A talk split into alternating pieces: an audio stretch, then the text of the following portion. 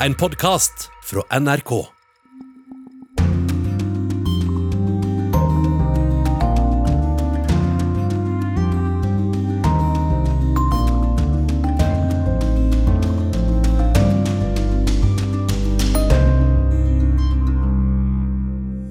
Sterke reaksjoner på funn av hundrevis av graver i ukrainsk by etter at russiske styrker trakk seg ut.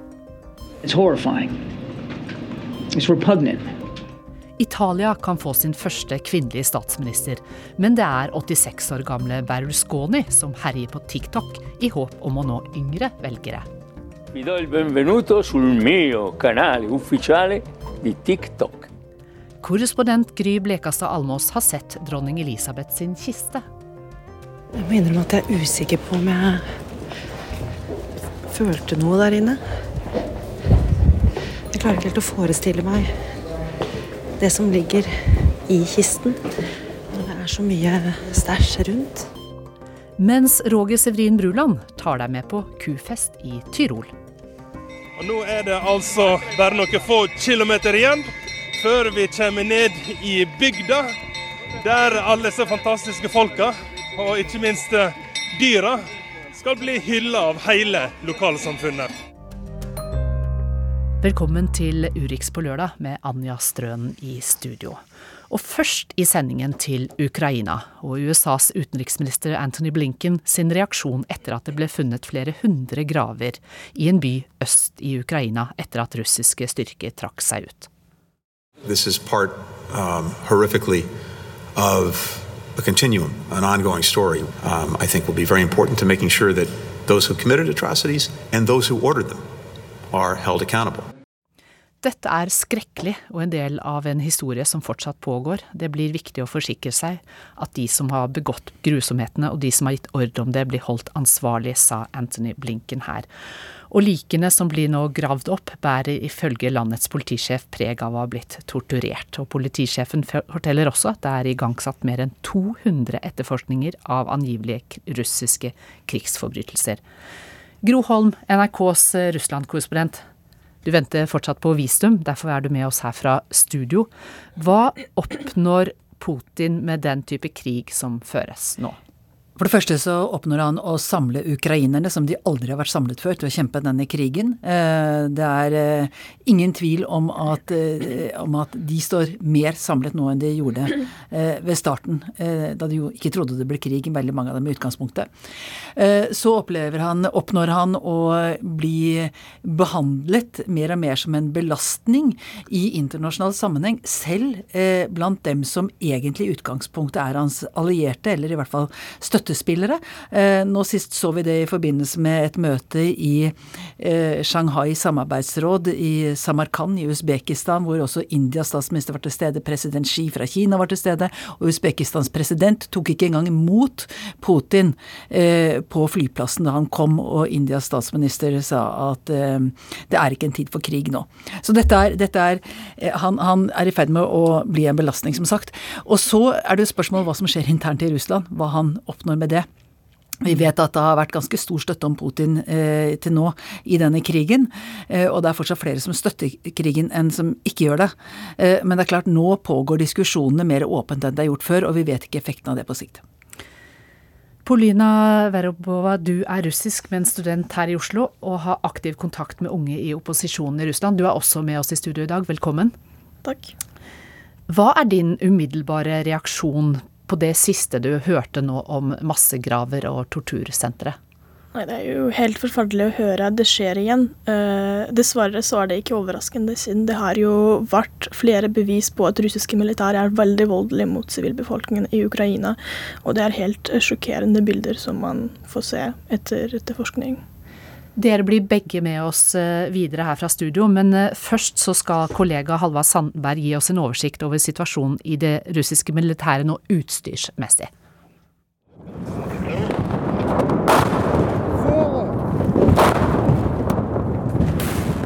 Det kalles trommeild, et uttrykk som oppsto under den første verdenskrig.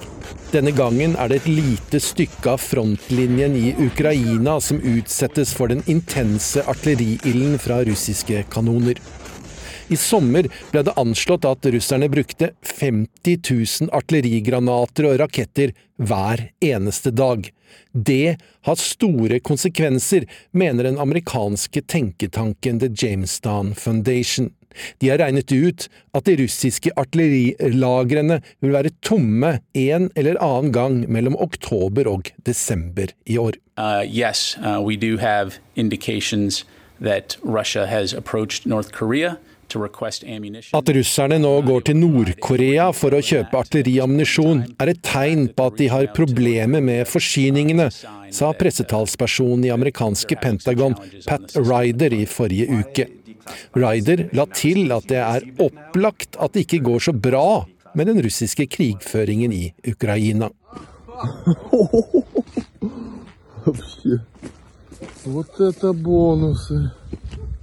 At det ikke går bra, kan videoen denne lyden er hentet fra være dokumentasjon på. Den er tatt opp i Kharkiv fylke denne uken. En ukrainsk soldat går fra den ene erobrede russiske stridsvognen til den neste. Hele ni stykker står i skogholtet. Ukrainerne hevder at russerne har tapt flere stridsvogner enn det de hadde i invasjonsstyrkene i februar.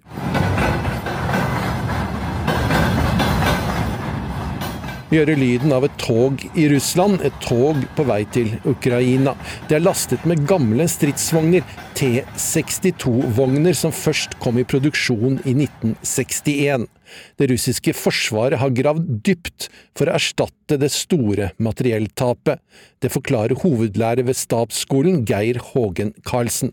De har veldig store våpenlager, men mye av materiellet er gammelt. Har vært lagret dårlig uten vedlikehold, og det mer avanserte utstyret er sannsynligvis eh, i veldig dårlig tilstand og vil trenge mye reparasjon før det kan brukes. Du har selv sett eh, russiske våpenlagre? Ja, jeg har vært på inspeksjoner der mange ganger, men det er vel 15 år siden sist. Men uh, vi fant jo uh, en gang lastebiler som hadde synket gjennom uh, grunnen inne i garasjen og sto og hang på akslingen, så vi har jo sett en del dårlig tilstand. Det kan vi vel bekrefte, ja.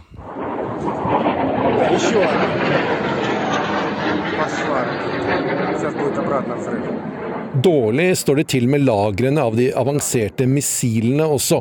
Vi hører lyden av kaliber kryssemissiler som treffer mål i Ukraina denne uken. Russland har ikke mange igjen av dem. Det samme gjelder det moderne ballistiske missilet Iskander og kryssermissilet KH-101. Vi tror de har store ammunisjonslagre, eh, i hvert fall av enklere ammunisjon. Men vi ser at langtrekkende avanserte presisjonsmissiler f.eks. har de sannsynligvis brukt opp veldig mye av og er nødt til å spare på. De skyter jo nå missiler som er lagd helt tilbake på 60-tallet, og det går jo utover presisjonen. og det er Derfor de ofte treffer eh, sivile mål.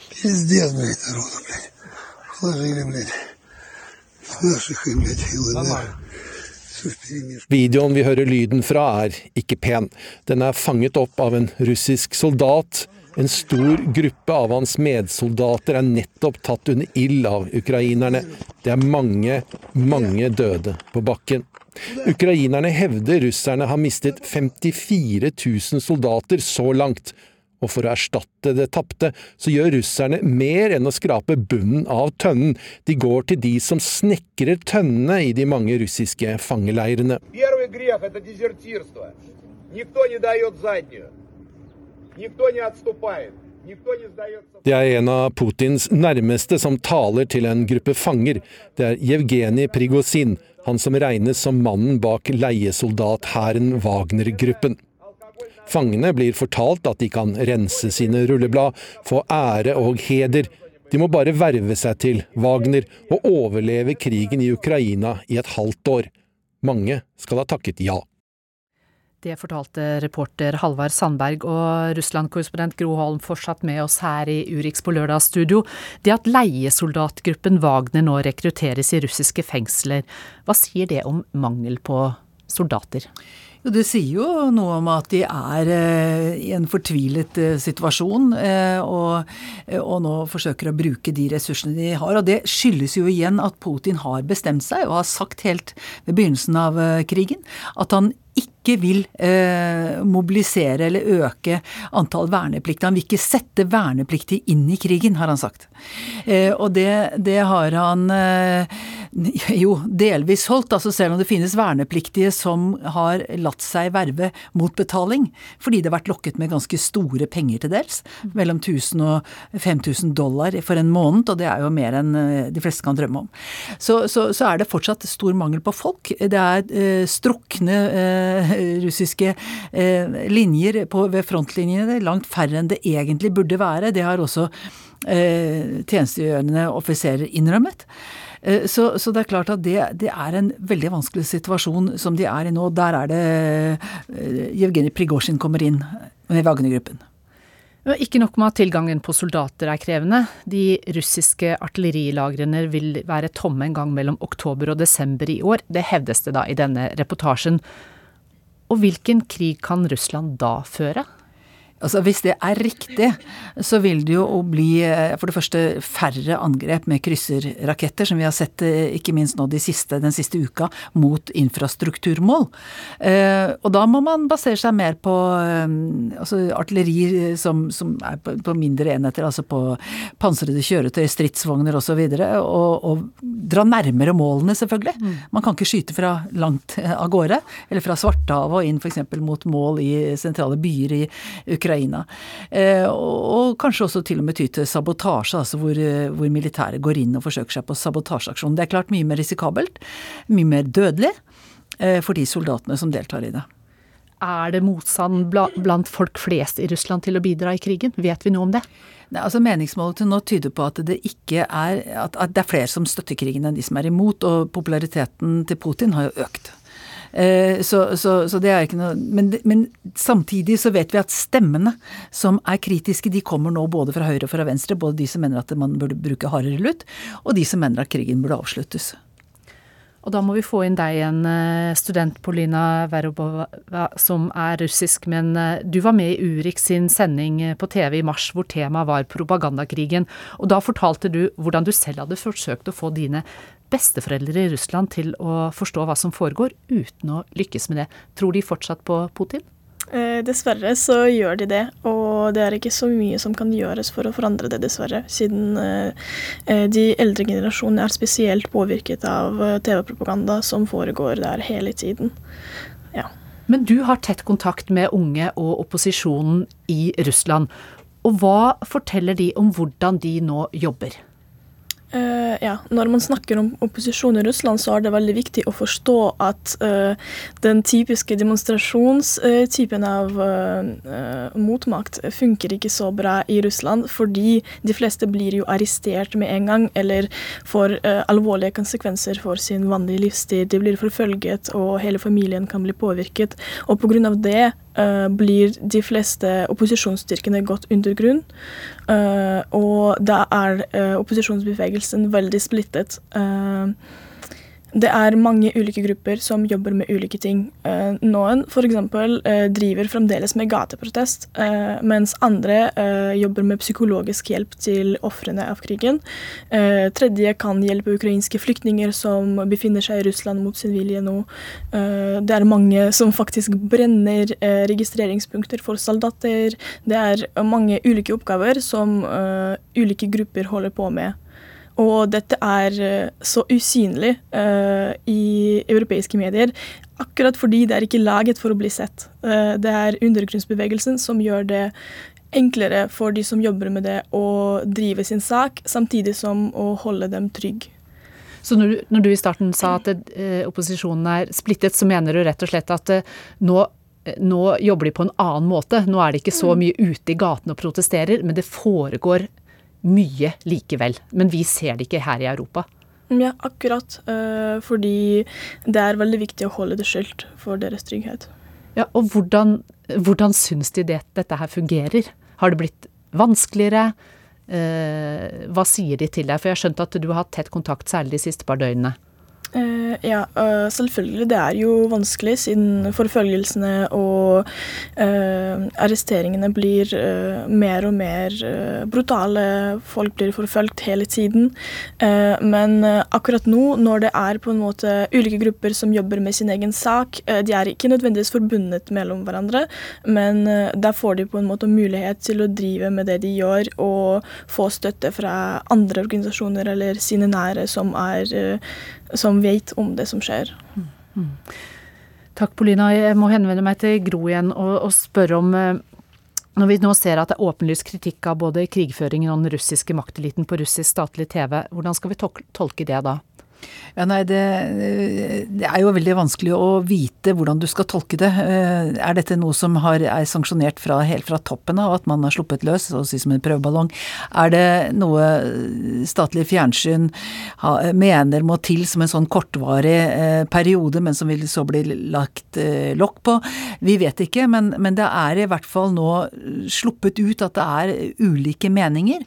Og det kan jo hende at Putin vil har gjort det med viten og vilje for liksom å, å, vise at her er det mye rare meninger ute, men det er jeg som styrer uansett.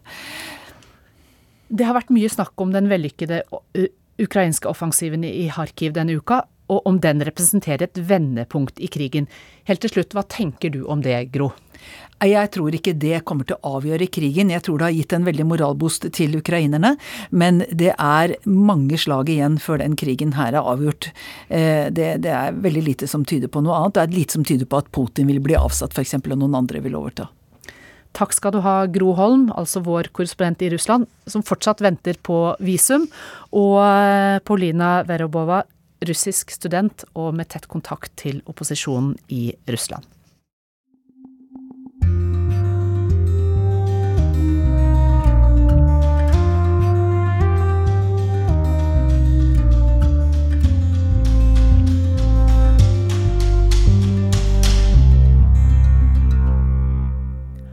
Mandag gravlegges den lengstsittende britiske monarken gjennom tidene i den første fulle statsbegravelsen siden Winston Churchill. Det er ni dager siden hun sovnet inn i Skottland. Ni historiske dager der hverdagen har stoppet opp for mange briter. Dager som korrespondent Gry Blekastad Almås har fulgt på nært hold. Jeg er på vei inn i Westminster Hall den eldste delen av den britiske parlamentsbygningen. Bygd i år 1097. Det nærmer seg 1000 år siden. Sammen med titalls andre journalister skal jeg få se dronning Elisabeth på paradeseng her inne. Jeg lurer på om mine følelser blir lik Richard og Christine Wardle sine, som jeg snakket med utenfor etter at de hadde vært her inne. Very emotional. Very, very emotional. Why? Because it's the end of an era. She's been the rock to this country. Veldig, veldig følelsesladet. Det er slutten på en æra. Hun var en klippe for dette landet, sier Christine. Mens Richard forteller at han bøyde hodet foran kisten, og så kunne han endelig gråte, også for sin egen mor, som døde for mange år siden. When my own mother died, which was about 1980, I never cried. it was because I was like, man up, be as, be as strong as you possibly can. But since he died, the flag was showing at half mast, and I went, she's gone. And that was it. Very, very upsetting. So I thought of my own mother, which I never cried over. So I was literally crying for the Queen and my own mum. So, yeah. Vi er kommet inn i den storslåtte hallen. På en forhøyning midt i rommet står dronningens kiste, drapert i monarkens flagg, det som ellers vaier over slottene når monarken er til stede. Oppå flagget ligger et septer og en blomsterkrans, og på en liten pute ligger kronen vi er vant til å se på dronning Elisabeths hode, med sine nesten 3000 diamanter og en vekt på over et kilo. Strømmen av folk som sakte siger forbi kisten, stopper opp når det er vaktskifte for det som nå er blitt kongens livgarde. I sine ulike og helt utrolige uniformer, med tunge hatter av svanefjær og bjørneskinn, følger de århundrelange tradisjoner i vaktholdet av dronningens kiste. Hvert 20. minutt bytter de mannskap. Vi ser at det første de gjør når de går ut av hallen, er å ta av seg den tunge hodepryden og kneppe opp de tykke klærne. En av dem besvimte den første natten på vakt. Nå er det nye skiftet på plass, og folk går igjen forbi kisten. Jeg kikker opp i bjelketaket, som er det største middelaldertaket i tømmer i Nord-Europa, bestilt av kong Rikard 2. i 1393. De historiske linjene som trekkes i dette rommet, får Elisabeths 70 år på tronen til å virke puslete. Tennisballer av lær og hundehår fra 1400-tallet ble funnet gjemt mellom bjelkene her under en oppussing på tidlig 1900-tall.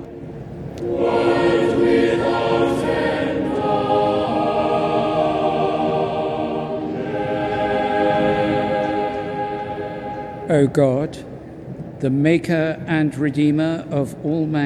Under dette taket tok mannen jeg tilfeldigvis møtte på gata, imot kisten med dronning Elisabeth onsdag denne uka.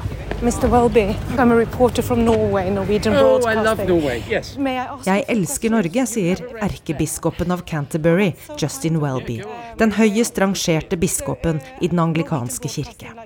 Han var på vei ut av Westminster Hall etter gudstjenesten som startet den fire og et halvt døgn lange paradesengperioden. It was beautiful. It had a real sense of the presence of God and a real sense of dignity and honor. How were your feelings? I think I've been very busy and therefore have not stopped really to think about it. But I think my feelings are twofold. One is a great deal of um, sadness at the loss of the Queen, but at the same time, immense admiration and confidence in the um, in the King. Erkebiskopen av Canterbury har tillit til kong Charles, men har ikke egentlig rukket å tenke gjennom hva han føler etter dronningens død. Han har jo møtt henne mange ganger, og mandag står han sammen med en kollega for begravelsen av dronningen, med gudstjenester både i Westminster Abbey og i St. Georgs kapell i Windsor, der hun gravlegges sammen med ektemannen prins Philip.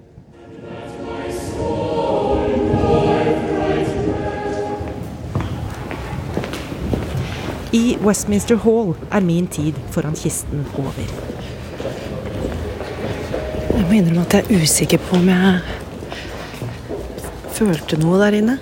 Jeg klarer ikke helt å forestille meg det som ligger i kisten, når det er så mye stæsj rundt. Men jeg ser jo at folk ble veldig beveget. Mange som tørket tårene. Barn som trengte trøst av foreldrene sine. Det ble mitt farvel med dronning Elisabeth.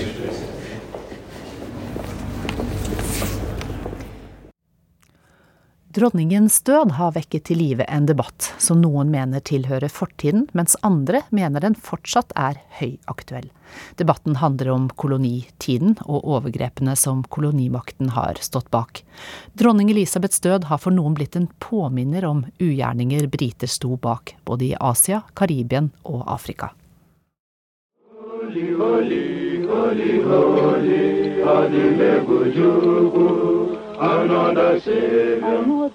Soldatene synger før de skal ut i kamp.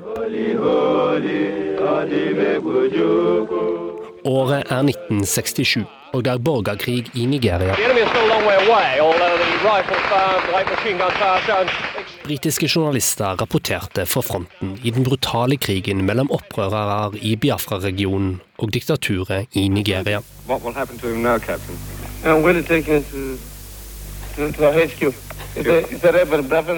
Et TV-team var annet med da nigerianske soldater fanga en som de mistenkte var opprører. men som nekta for at han var nettopp det. I uh.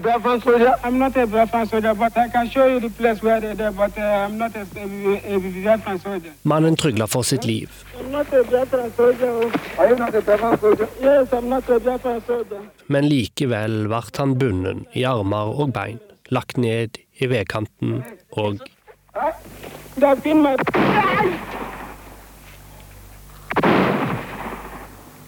Mannen døde, uten at soldatene undersøkte noe mer om hvem han egentlig var. Dette brutale diktaturet i Nigeria fikk våpenstøtte fra bl.a. Storbritannia i krigen mot Biafra-opprørerne. Resultatet av krigen var ei svær humanitær krise, og det var blant de første humanitære krisene som kom etter at TV-en hadde blitt oppfunnet. Dermed var det et sjokkerende syn for mange som ikke hadde sett denne type krig før. Bildet nådde også Norge via NRK og Erik Bye. Dette er krigens ansikt. Enhver krigs ansikt. De uskyldige, de vergeløse, som rammes. At britene støtta de som sto bak angrep på sivile i Biafra, er et mørkt kapittel i Storbritannias historie. Et annet mørkt kapittel er Mau Mau-opprøret noen år tidligere. I was uh, for three years, and uh, I had uh, Jeg satt tre år i fengsel og hadde det fælt. Jeg var naken i noen av de kaldeste månedene, og jeg sov på et vondt og ujevnt gulv. Fortell Matenge var i regi. and some of them they got uh, ill. Some people they died. Han er 90 år, men husker fremdeles hvordan det var under Mau Mau-opprøret, der kenyanske jordbrukere som hadde mista jordlappene sine, gjorde opprør mot de britiske kolonistene og deres samarbeidspartnere. Opprøret enda med 12 000 drepne og mange hundre tusen i interneringsleirer. uh, Elizabeth. Wairegi fulgte nyhetene om dronning Elisabeths død via TV-en hjemme i Kenya. Dronninga var statsoverhoved i Storbritannia, mens briter utførte grove ugjerninger mot han og andre i Kenya. Og det er derfor mange mener at hun var et symbol for det som skjedde under kolonitida.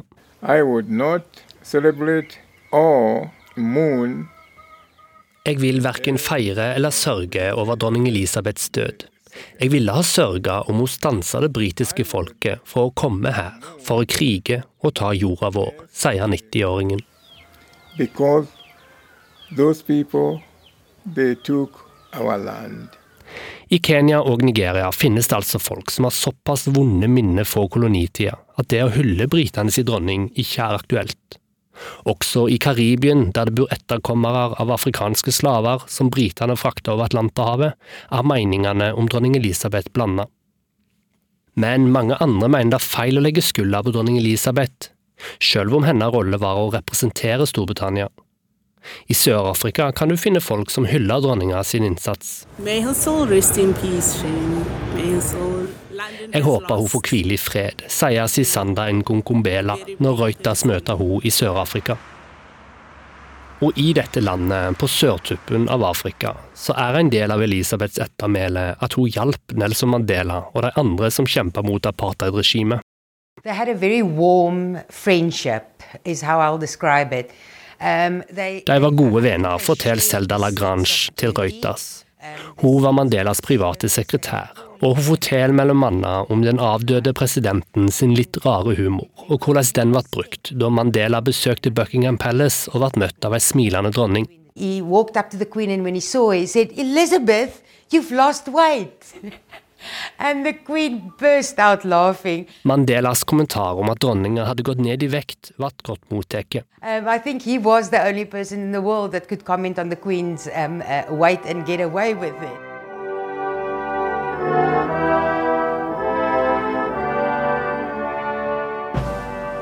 Så selv om ikke alle afrikanere hyller dronning Elisabeth, så hadde hun mange venner og støttespillere på kontinentet.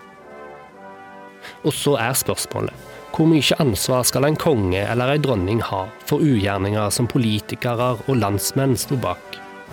Der er meningene delte, og det vil de nok alltid være.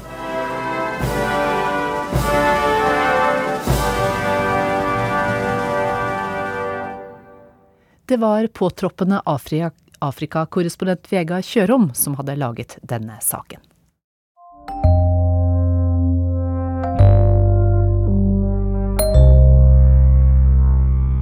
Italia så gjør høyrepopulisten Georgia Meloni det godt på meningsmålingene. Foran neste søndagens valg i Italia. Så godt at hun kan ende opp som landets første kvinnelige statsminister. Og europakorrespondent Simen Ekern, hvem er Meloni?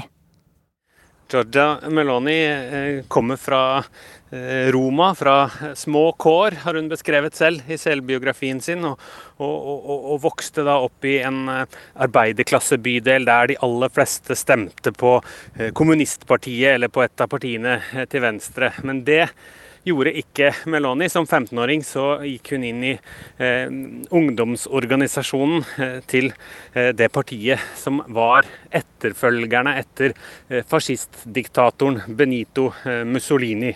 I en tid der det var ganske intens kamp mellom politiske ytterpunkter i Roma. Så der eh, kom hun inn, ble en eh, stjerne og, og hadde da en ganske rask karriere som, som, med årenes løp da førte til at hun ble tidenes yngste stortingspresident, eller president i det italienske underhuset, senere minister.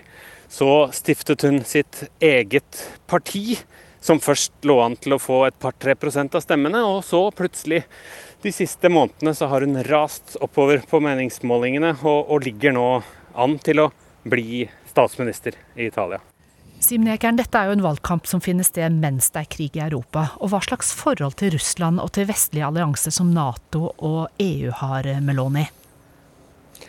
Ja, dette er et ganske interessant punkt for denne regjeringskoalisjonen, eh, som nå, eh, hvis vi skal tro meningsmålingene, kan komme til å, å, å ta over eh, i Italia. For Georgia Meloni hun har gjort det veldig klart at hun markerte sterk motstand mot Russlands invasjonskrig med en gang. Hun har sagt at hun er for et sterkt Nato-samarbeid. Hun har vært for å sende våpen til Ukraina. Og hun er også nå, mener hun, ikke for at Italia skal melde seg ut av EU. Eh, det eh, er en litt annen historie for koalisjonspartneren hennes, Matteo Salvini fra partiet, fra partiet Lega, som, som, inntil ganske nylig var det største eh, høyrepopulistiske eh, partiet. Han har både markert ganske sterk motstand mot våpenstøtten til Ukraina, stilt spørsmål ved den, og så dukker det også stadig opp en hel rekke saker om hans nære bånd til Vladimir Putin og, og Putins parti. De to partiene partiene har signert en samarbeidsavtale for en tid tilbake. Og, og, og senest denne uken så har det igjen dukket opp eh, anklager om, om mulig økonomisk eh, støtte fra Russland, selv om uh, Matteo Salvini på det sterkeste tilbakeviser dette. Så, så, det er litt problematisk for eh, koalisjonen. De forsøker å framstå samlet, men, men det er tre ganske forskjellige partier, tross alt. Og midt oppi dette så dukker den gamle ringreven Silvio Berlusconi opp. 86 år gammel er han nok en gang med i valgkampen.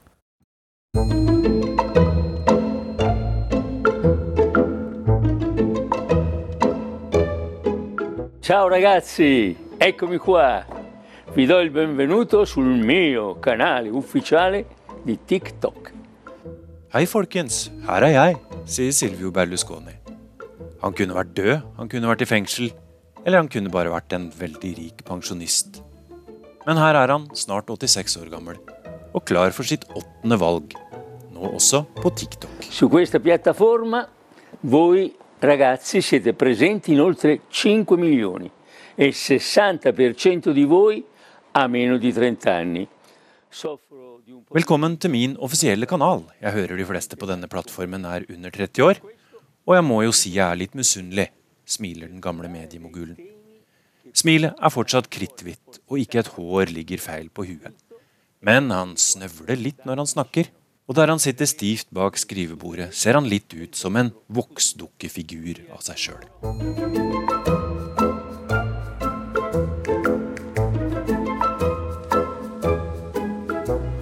sensazione data italiana. È tramontato ormai. Jeg tror sola er i ferd med å gå ned for ham nå, lyder dommen på gata i Roma. Det er på tide å pensjonere seg, tilføyer en annen.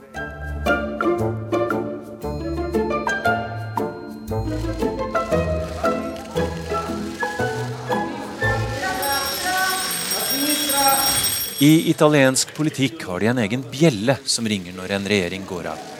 Og den bjella ringte siste gang for Silvio Berlusconi i 2011. Da hadde han vært statsminister fire ganger siden 1994. Og sittet lenger ved makta enn noen siden Mussolini. Etterpå har det gått litt tyngre. Silvio Berlusconi is one of the great survivors of Italian politics. He was thrown out of office uh, 10 years ago after a sex. Først kom sexskandalene, så kom skattesvindelsaken, og så kom kreftsykdommen. Før han holdt på å dø av korona i fjor. Men her er han fortsatt, en av de store overleverne i italiensk politikk, sier Reuters korrespondent Crispin Balmer i Roma. It is a greatly diminished Silvio Berlusconi that we're seeing. He is 86 years old.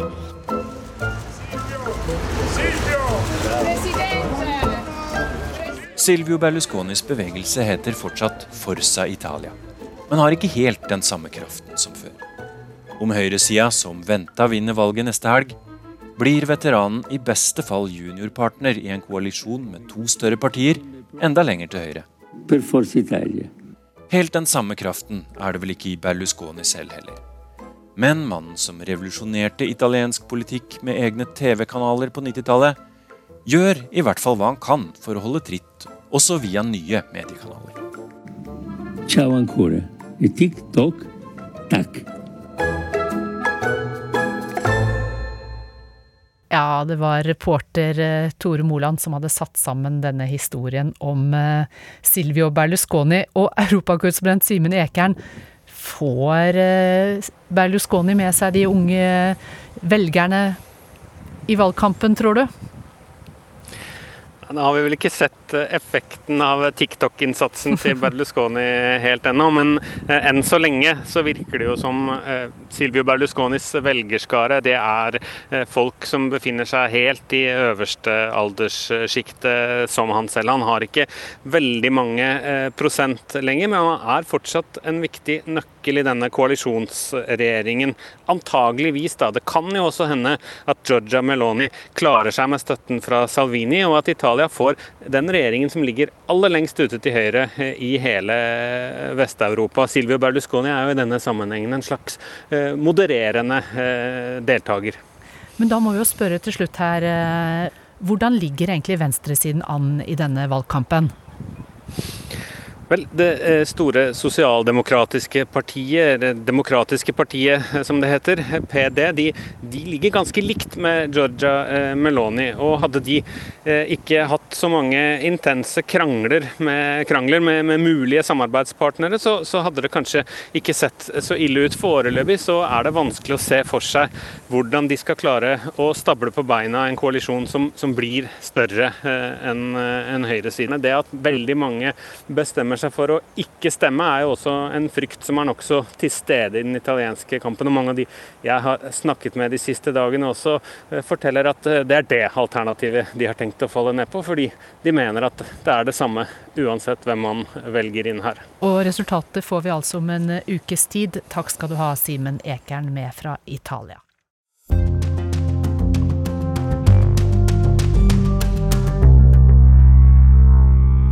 Over 200 personer er drept i kamper i grenseområdene mellom Armenia og Aserbajdsjan de siste dagene, og kamphandlingene er dårlig timing for Armenia hvis viktigste allierte, Russland, er opptatt med krig i Ukraina.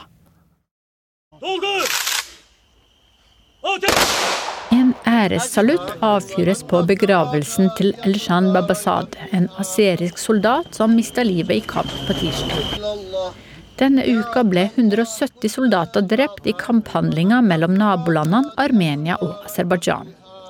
Begge landene beskylder den andre for å starte, men det er bare Aserbajdsjan som har noe å vinne på å angripe nå, sier professor i russlandsstudier på Universitetet i Oslo, Pål Kålstø.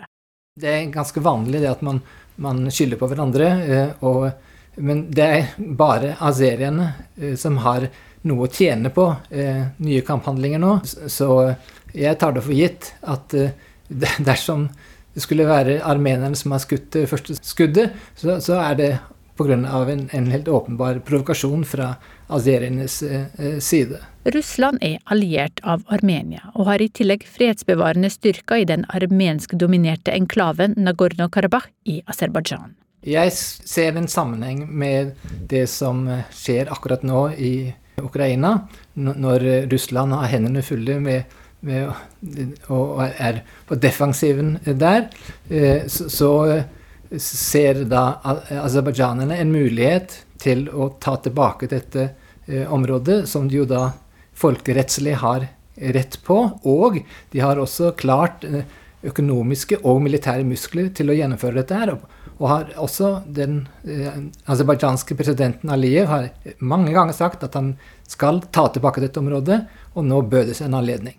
For nettopp det at uh, den aserbajdsjanske presidenten Aliyev valgte å gå til angrep på Armenia nå, kan òg tyde på at uh, han har snakket både med tyrkisk president Erdogan og russisk president Putin før han gjorde det, for å vite at det er greit. Det sier Lene Wetland i Helsingforskomiteen på telefon fra Armenias hovedstad. Vi mener at Armenias brudd på avtalen som ble underskrevet etter at Aserbajdsjan vant krigen, er uakseptabel. Verden skal vite at vi som alltid står med Aserbajdsjan, var kommentaren til Tyrkias president Erdogan. Denne konflikten er et av temaene når asiatiske statsledere møtes i Samarkand denne uka. De akkurat nå i Usbekistan så foregår jo det et eh, høynivåmøte i Shanghai eh, Cooperation Organization. Eh, der Putin og Erdogan og andre, Aliyev bl.a., skal møtes. Den armenske statsministeren Pashinyan skulle jo også vært der, men han har valgt å bli hjemme pga. Det, det som har skjedd. Men der skjer det jo møter på høynivå og i korridorene. Nicole, kom deg vekk, ble det ropt til statsminister Nicole Pashinyan i Jerevan denne uka. En av grunnene til at Aliyev kunne angripe nå, er jo at han vet at Armenia er et gryende demokrati. Så den sittende statsministeren han må faktisk forsvare seg både i parlamentet, i media og for folk flest som, som tar til gatene og protesterer. Uh, ulikt uh, Aserbajdsjan, som jo er et, uh, et enevelde. De folk flest er kritiske til at han allerede har sagt han er villig til å gjøre noen innrømmelser for å beskytte sitt folk og sine grenser. Etter noen dager med kamper ble det annonsert en våpenhvile som aseriske myndigheter foreløpig ikke har kommentert. I Jerevan er folk kritiske til at omverdenen ikke har reagert på at landet har blitt angrepet. En litt avventende stemning, men folk er både misfornøyd med regjeringen og misfornøyd med det internasjonale samfunnet, som ikke reagerer på samme måte som de har gjort med f.eks. Ukraina. Det var Sofia Paskevic som hadde laget denne reportasjen.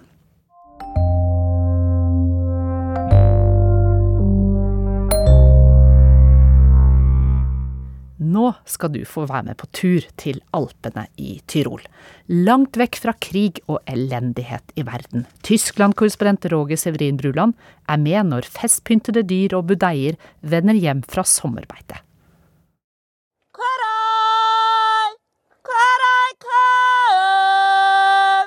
Med kulokk får kyrne beskjed om at de må komme inn på setra. Klokka er fire om morgenen og det er siste mjølking før de skal ned til dalen og vinterfjøsen.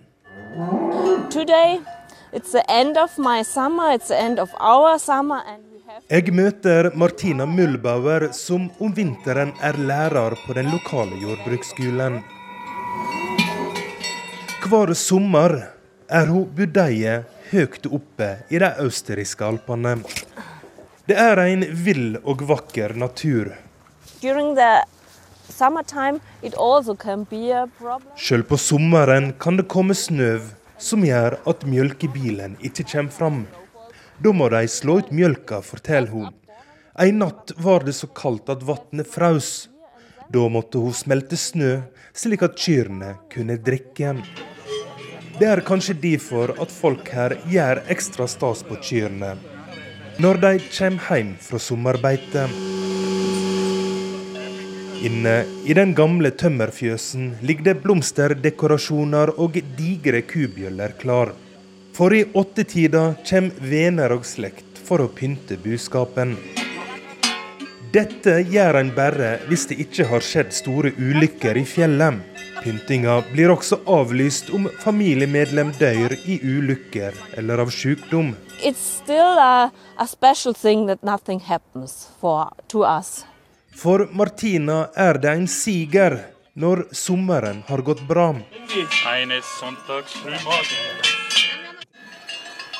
Så må alle bytte fjøskleder med vakre folkedrakter. Martina har en hvit og rød kjole og hatt. Så kan marsjen ned i bygda begynne.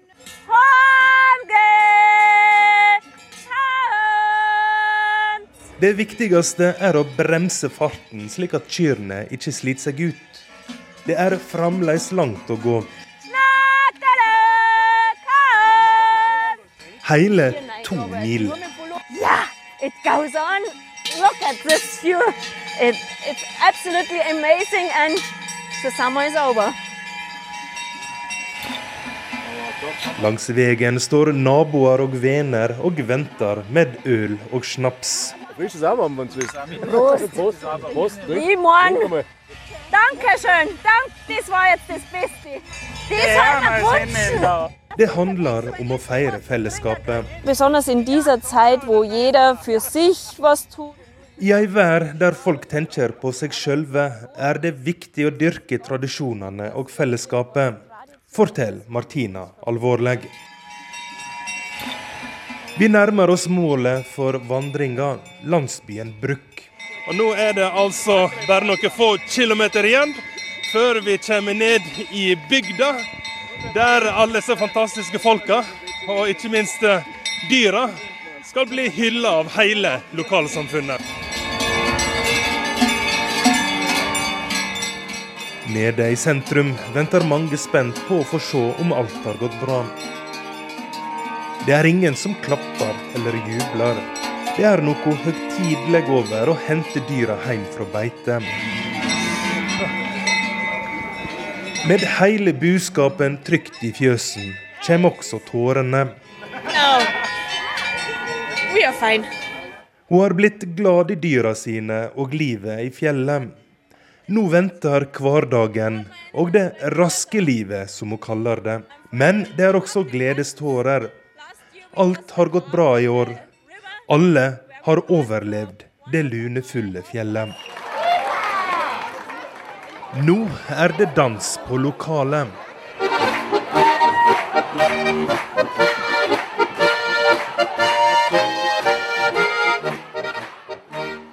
Det var Roger Severin Bruland som fikk med seg innhenting av kyr i Tyrol og en fest på slutten.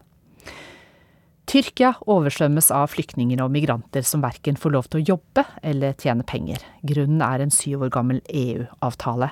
Og da kreves det kreative løsninger, forteller Åse-Marit Befring i sitt korrespondentbrev fra Istanbul.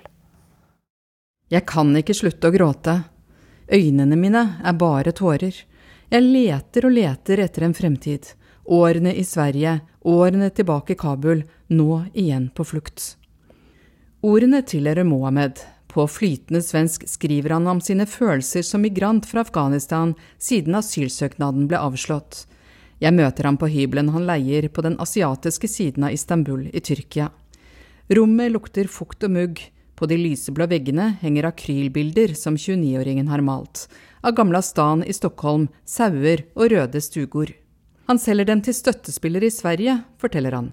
Det gir ham litt inntekt, for han har ikke lov til å jobbe i Tyrkia, selv om han har fått bli et år til. På naborommet ligger to madrasser på gulvet og vitner om de andre unge afghanerne som bor her. De venter bare på neste mulighet til å smugles over grensa til Hellas, slik broren deres ble. Han lever i Sverige. Også Mohammed skal forsøke igjen. Mohammed var en av over én million flyktninger og migranter som strømmet til Europa i 2015. Han dro med gummibåt til Hellas, vandret over grensen til Makedonia, tok tog videre til Serbia og nordover gjennom Tyskland og Danmark, og til slutt havnet han i Malmö i Sverige. 162 000 mennesker søkte om asyl i Sverige det året. Men Mohammed fikk ikke bli. Fire år senere ble han sendt til Kabul, og dro derfra igjen da Taliban tok over makta i fjor. Og han har blogget om livet på flukt. Det første spørsmålet fra smugleren er hvor mange medlemmer det er i familien. Når jeg svarer fire, sier han at det kommer til å koste 1300 dollar per person å ta dem med til Tyrkia fra Afghanistan, og det er en vennepris. Han sier at han kan garantere at familien kommer frem, bare jeg betaler. Han lyder så selvsikker at det er som å prate med et reisebyrå som booker billetter med mellomlanding og spørsmål om vi har noen ønsker om maten. Noe av det første jeg la merke til da jeg kom til Istanbul som korrespondent i sommer, var alle afghanerne. De er svært synlige i gatebildet. Mange har funnet et levebrød som består i å grave i søpla etter papp og plast for å selge det på gjenbruksstasjoner. Med svære sekker på hjul kan det bli opp mot 100 kilo på en dag og en liten slant penger. De illegale afghanerne har sammen med tyrkiske kurdere og romfolk monopol på kildesortering i storbyen. Men etter omfattende politirazziaer er det færre av dem akkurat nå. Mange tusen er sendt tilbake til Kabul eller venter i store deportasjonssentre. De er ikke ønsket her i Tyrkia, som har mer enn nok med de 3,6 millioner syrerne som bor her. Med anslått rundt 400 000 afghanere på toppen av det, så å si alle illegale, har det ført Tyrkia til verdenstoppen i antall flyktninger og migranter, og det med god margin. Den rekorden skyldes ikke minst avtalen landet inngikk med EU i november 2015.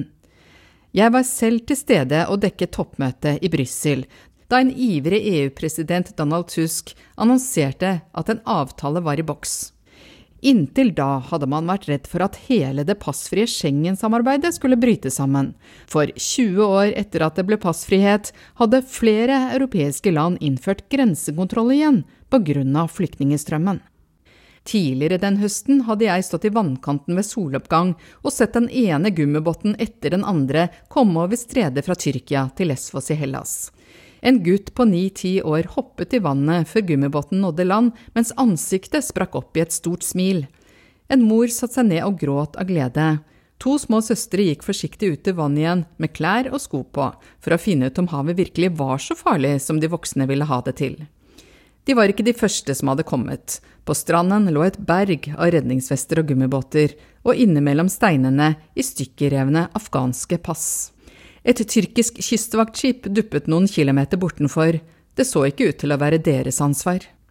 Men mot slutten av året gikk altså Tyrkia med på å drive mer grensekontroll mot masse penger fra EU og løfter om at tyrkere skulle få visumfrihet. Akkurat det siste ble aldri noe av. EU-president Tusk mente avtalen ikke var å legge stein til byrden på Tyrkia, som allerede da huset over to millioner syriske flyktninger. Dette var en gjensidig avtale. Men det har rent mye vann mellom Hellas og Tyrkia siden 2015. Den tyrkiske økonomien skranter, og flyktningene blir stadig mindre populære. Syrere får skylden for lønnspress, stigende husleiepriser og arbeidsløshet. Mange tyrkere uttrykker også en frykt for at den store arabiske innvandringen vil endre tyrkisk kultur på sikt. En av dem er studenten Beker Taskomur. Jeg møter han der han står og fisker langs Bosporos bredder med capsen bak frem. Han forteller at tyrkiske kvinner i økende grad blir sjikanert av arabere, både afghanere og syrere. Sosiale medier er fulle av slike historier, sier han. Selv om det ikke rammer ham direkte, mener han det er en utfordring for samfunnet at det ikke aksepterer kvinners frie stilling. Hvis vi hadde snakket om 100 000 syrere her, hadde det gått greit, men nå er det altfor mange, mener han. På en kafé serverer baristaen Anel Korsa meg en rykende varm kopp kaffe. 25-åringen forteller at han må konkurrere om jobben med underbetalte syrere. Nå vil han reise fra Tyrkia til Frankrike fordi det har blitt umulig å leve av lønna si her. Også 67-åringen som selger brødet Simit fra en bod langs havna, mener syrerne er skyld i at sønnen hans ikke får jobb. Men det er feil å sjikanere dem for det. De er også mennesker, sier han. Syrerne selv befinner seg i et juridisk ingenmannsland. I Tyrkia kan bare europeiske borgere søke om asyl og få flyktningstatus. De er her som gjester, men har ikke noe hjem å dra tilbake til. Dere som leser dagboken min, har innen nå sikkert forstått at jeg står fast i Tyrkia. Det er ikke bra og skaper stor usikkerhet, skriver Mohammed i bloggen sin. Selv om Tyrkia har gått fra å være et transittland til et land der flukten stopper opp, har ikke det knust drømmen om Europa. Jeg spør hvor realistisk det er at han blir trodd neste gang på at han trenger beskyttelse. Jeg blir truet grunnet bloggen min nå, hevder han og ser på meg og sier, du lever i en bra verden som jeg ikke får ta del i, hva ville du gjort om du var i mine sko? For Mohammed nekter å gi slipp på ønsket om å bli en del av min verden. Jeg lar Mohammed avslutte dette korrespondentbrevet ved å lese fra bloggen sin. Den seneste veckan har en tanke vekst om at jeg ikke er en del av denne verden. Var jeg kriminell kunne jeg forstå om myndigheter jaget mig, men det är jag inte. Jag är i grunden en positiv människa. Folk jag känner beskriver mig som snäll, så varför måste det vara så här? Varför har jag inte ett land der jeg kan bo og kjenne meg hjemme? Den syriske flyktningen Mohammed leste fra sin blogg. Fikk du lyst til å hive deg på flyet for å se kisten til dronning Elisabeth i Westminster Hall i London etter å ha hørt reportasjen fra korrespondent Gry Blekastad Almås? Ja, da kan vi informere om at det nå er 25 timer ventetid for å komme inn. Kisten skal stå i Westminster Hall fram, fram, til mandag. Da blir dronningen gravlagt sammen med sin mann prins Philip i St. George kapell på Windsor Castle. Og NRK overfører begravelsen. Da kan du se den der, uten å måtte dra til London. Urix på lørdag takker for laget. Husk at du kan høre sendingen når som helst som podkast. Teknisk ansvarlig var Lisbeth Sellreite. Produsent var Anne Skårseth. Og i studio Anja Strøm.